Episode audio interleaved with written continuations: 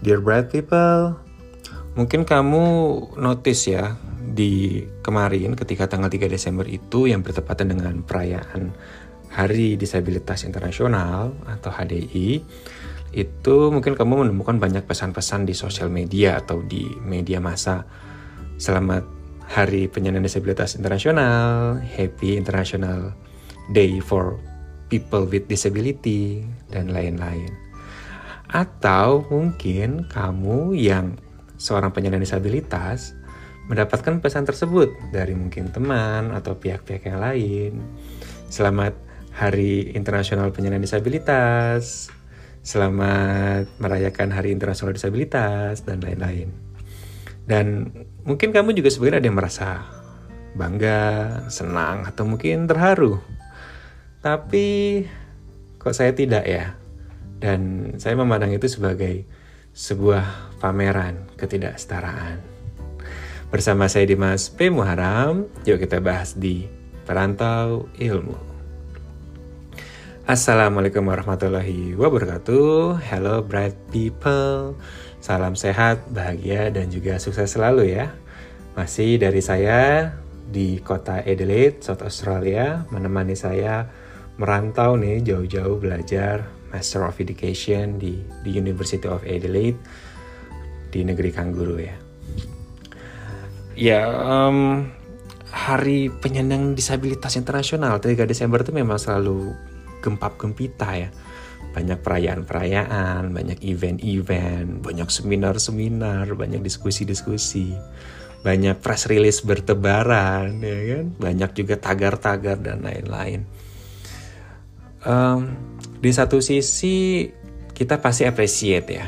Pasti appreciate banget mengapresiasi banget adanya kepedulian dari publik baik itu dari pemerintah atau pihak swasta yang memperingati Hari Penyandang Disabilitas itu. Yang menunjukkan bahwa ya ini adalah bagian dari agenda PBB juga ya menunjukkan bahwa disabilitas itu eksis dan seperti mengingatkan kepada publik bahwa Penyandang disabilitas itu ada loh meskipun banyak yang tidak terlihat.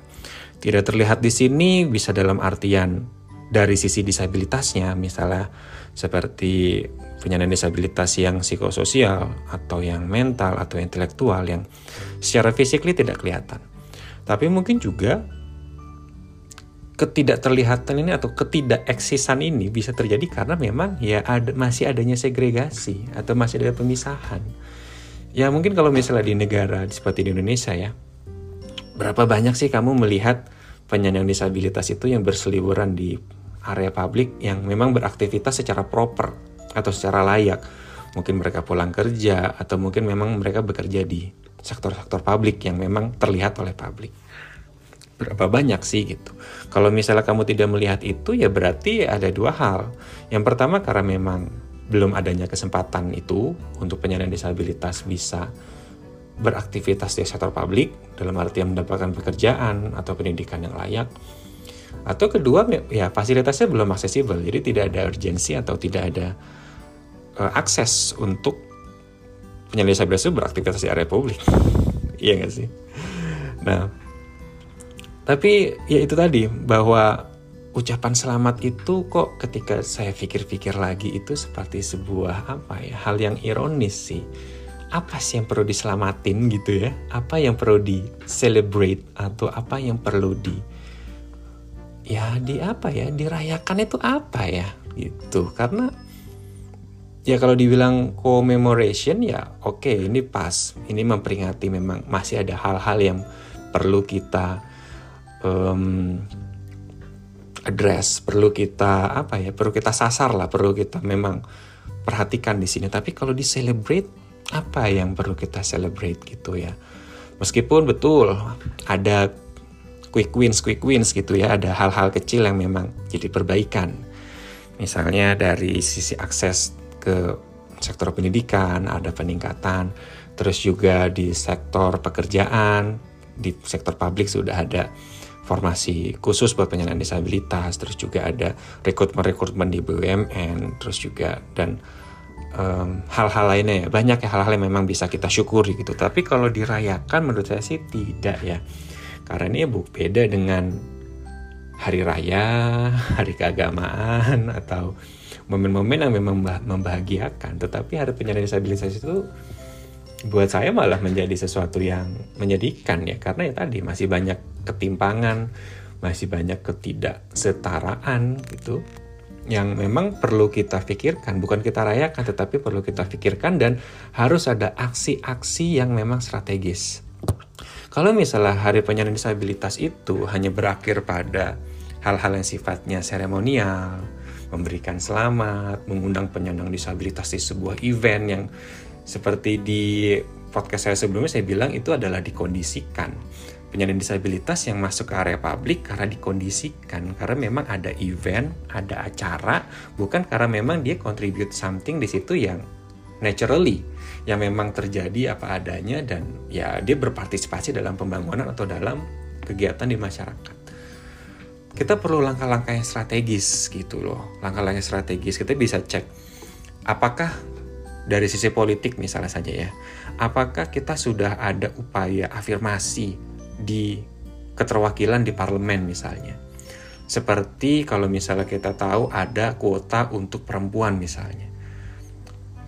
Perempuan, disabilitas, kaum adat misalnya atau minoritas lainnya itu kan adalah kelompok-kelompok yang perlu adanya upaya afirmasi apakah sudah ada kebijakan itu adalah ada kuota untuk penyandang disabilitas?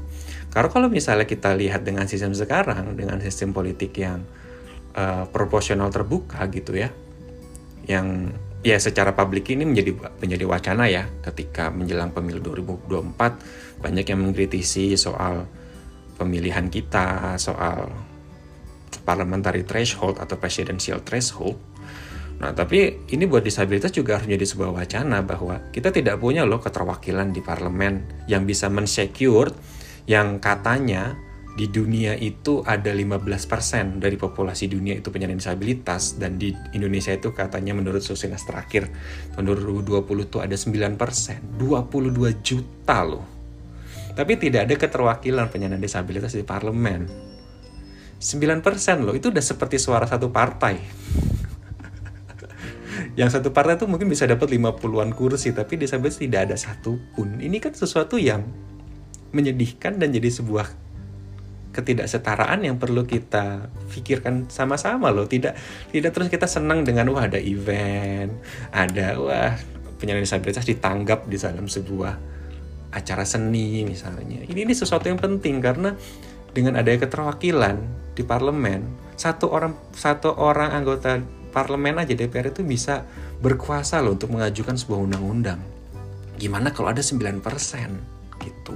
Ini sesuatu yang penting banget sih. Dan kalau misalnya kita lihat dengan sistem sekarang yang uh, pemilihan berdasarkan distrik, berdasarkan dapil, terus juga ya dipilihnya dengan tidak punya apa modal yang besar, terus juga apa dipilihnya secara umum ya kecil banget lah kesempatannya. Kita mungkin belum pernah menemukan kan ada penyandang disabilitas yang memang betul-betul disabilitas ya. Dalam artian gini loh saya bilang gini penyandang disabilitas yang betul-betul disabilitas itu adalah memang mereka yang merasa dari awal tuh penyandang disabilitas lalu uh, ikut berkontribusi dalam pergerakan disabilitas minimal mereka sadar bahwa mereka disabilitas dan tahu hak-haknya dan kewajibannya. Bukan mereka yang tiba-tiba masuk ke dalam sebuah sektor publik lalu karena memang ada kelainan atau perbedaan fisik lalu diidentifikasi bahwa dari luar bahwa oke okay, dia adalah pejabat atau mungkin pejabat pertama yang penyandang disabilitas misalnya. Padahal dia selama hidup tidak pernah merasa disabilitas. Karena dia tidak pernah ada di dalam lingkungan penyandang disabilitas dan tidak merasa terhambat dengan itu gitu loh. Dan biasa-biasa aja tetapi publik akhirnya mengidentifikasi itu sebagai penyandang disabilitas. Itu kan ironis ya gitu. Jadi pertama di sisi politik yang kedua di sisi pekerjaan tidak perlu lah ya kita tuh setengah-setengah atau ragu-ragu atau sayang-sayang resource dengan memberikan kuota atau afirmasi ke penyandang disabilitas di sektor pekerjaan. Seperti misalnya di sektor publik 2% wah itu ya meskipun kita sangat appreciate tapi masih belum tereksekut atau tereksekusi dengan uh, ideal ya. Lalu sektor swasta juga masih banyak yang belum juga gitu loh. Dan sebetulnya kalau misalnya kita mau pikirkan bahwa oh kalau kita oh ada penyandang disabilitas nanti butuh fasilitas ekstra nih dan lain-lain. Itu sebuah pemikiran yang menurut saya keliru.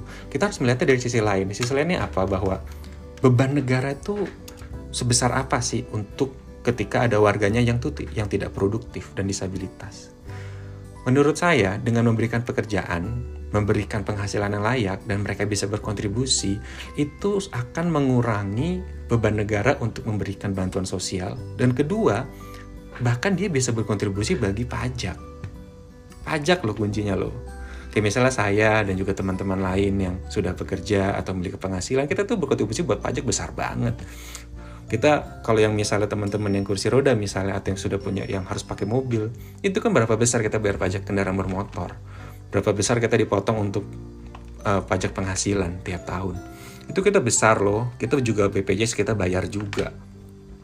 Dan itu mengurangi beban negara sangat jauh. Jadi ayolah nggak usah setengah-setengah gitu kan, memberikan upaya afirmasi, memberikan jalur-jalur yang khusus untuk adanya keterwakilan penyandang disabilitas di sektor tenaga kerja. Di pendidikan juga seperti itu. Kita tahu bahwa betapa penting kan pendidikan tinggi bagi ma manusia gitu ya. Untuk mereka ini memberikan modal dari segi SDM dan juga akses ke depannya lebih luas. Tapi berapa banyak sih universitas sudah memberikan jalur afirmasi untuk penyandang disabilitas masuk gitu ya. Berapa banyak sebetulnya.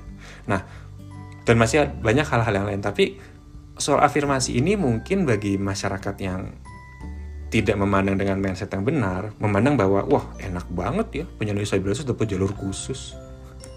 Tapi tidak pernah berpikir bahwa wah selama ini penyandang disabilitas dengan keterbatasan itu terbatas di publik kok kasihan ya. Kok saya lebih enak ya dari mereka yang memiliki kelebihan dan memiliki apa sisi uh, privilege privilege yang lain. Tidak pernah terpikir seperti itu kan?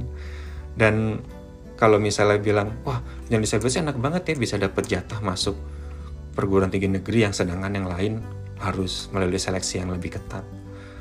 Sebetulnya salah banget gitu ya. Melihat afirmasi ini adalah melihat seperti jalur lintasan trek lari. Trek lari itu kan kalau sebagai ilustrasi itu kan sifatnya berupa lingkaran ya, biasa meling uh, mengelilingi sebuah lapangan.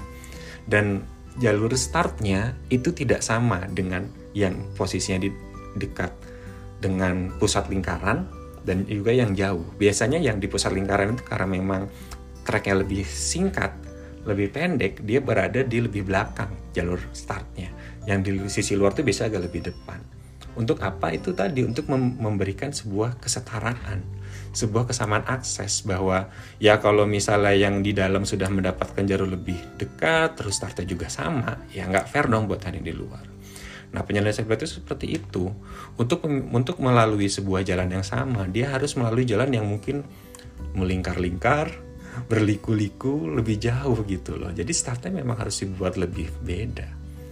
Dan untuk apa ya melakukan sebuah perubahan itu upaya afirmasi dan juga uh, mencapai kes, mencapai kapasitas yang sama. Itu seperti ayam dengan telur mana yang duluan? Ya telur dulu apa ayam dulu? Bahwa kalau misalnya kita menunggu sampai ya kita uh, inginnya tuh inklusif yang betul-betul inklusif bahwa ya SDM-nya dulu ditingkatkan lalu nanti biar mereka bisa secara organik bisa berpartisipasi dan bersa ber bersaing di dalam masyarakat. Ya tapi kalau seperti itu mau tunggu sampai kapan? Gitu ya.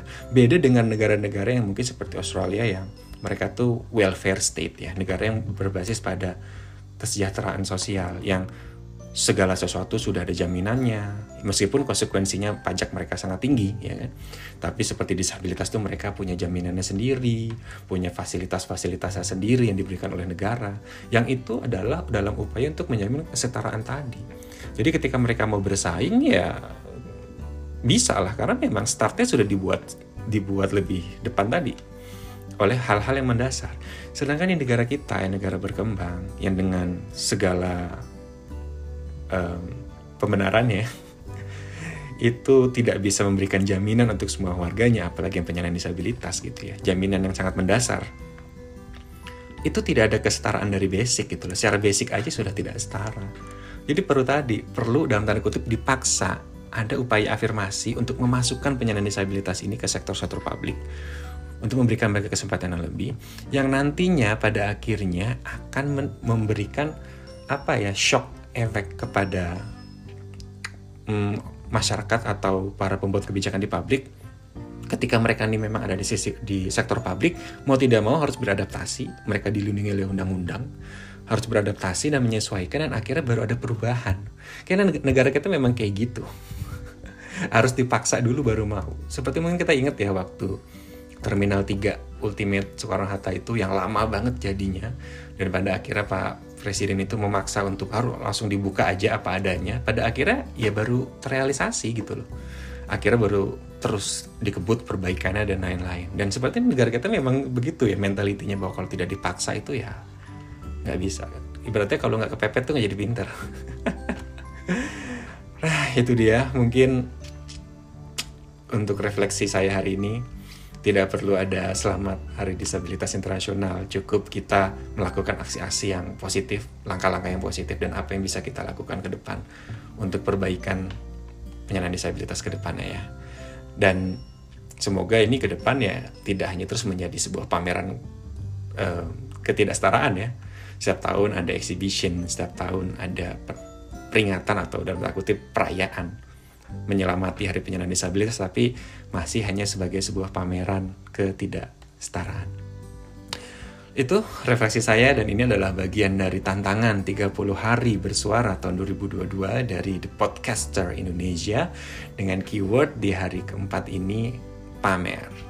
Dan buat kamu yang suka dengan podcast ini atau mau yuk sama-sama belajar dengan saya, kita sama-sama diskusi, boleh ya di follow atau di subscribe podcast Perantau Ilmu di platform-platform kesayangan kamu seperti Spotify, Apple Podcast, Google Podcast atau Anchor dan juga yang lainnya. Dan boleh juga ditinggalkan komentar ya di Spotify, ada di reply di situ, tinggalkan dong uh, kesan dan pesannya. Jadi buat feedback juga buat saya. Dan buat interaksi langsung dengan saya bisa juga ke Instagram at Dimaster Education atau juga email ke me me at dimasmuharam.com. Thank you, bright people. Dimas is signing out and see ya.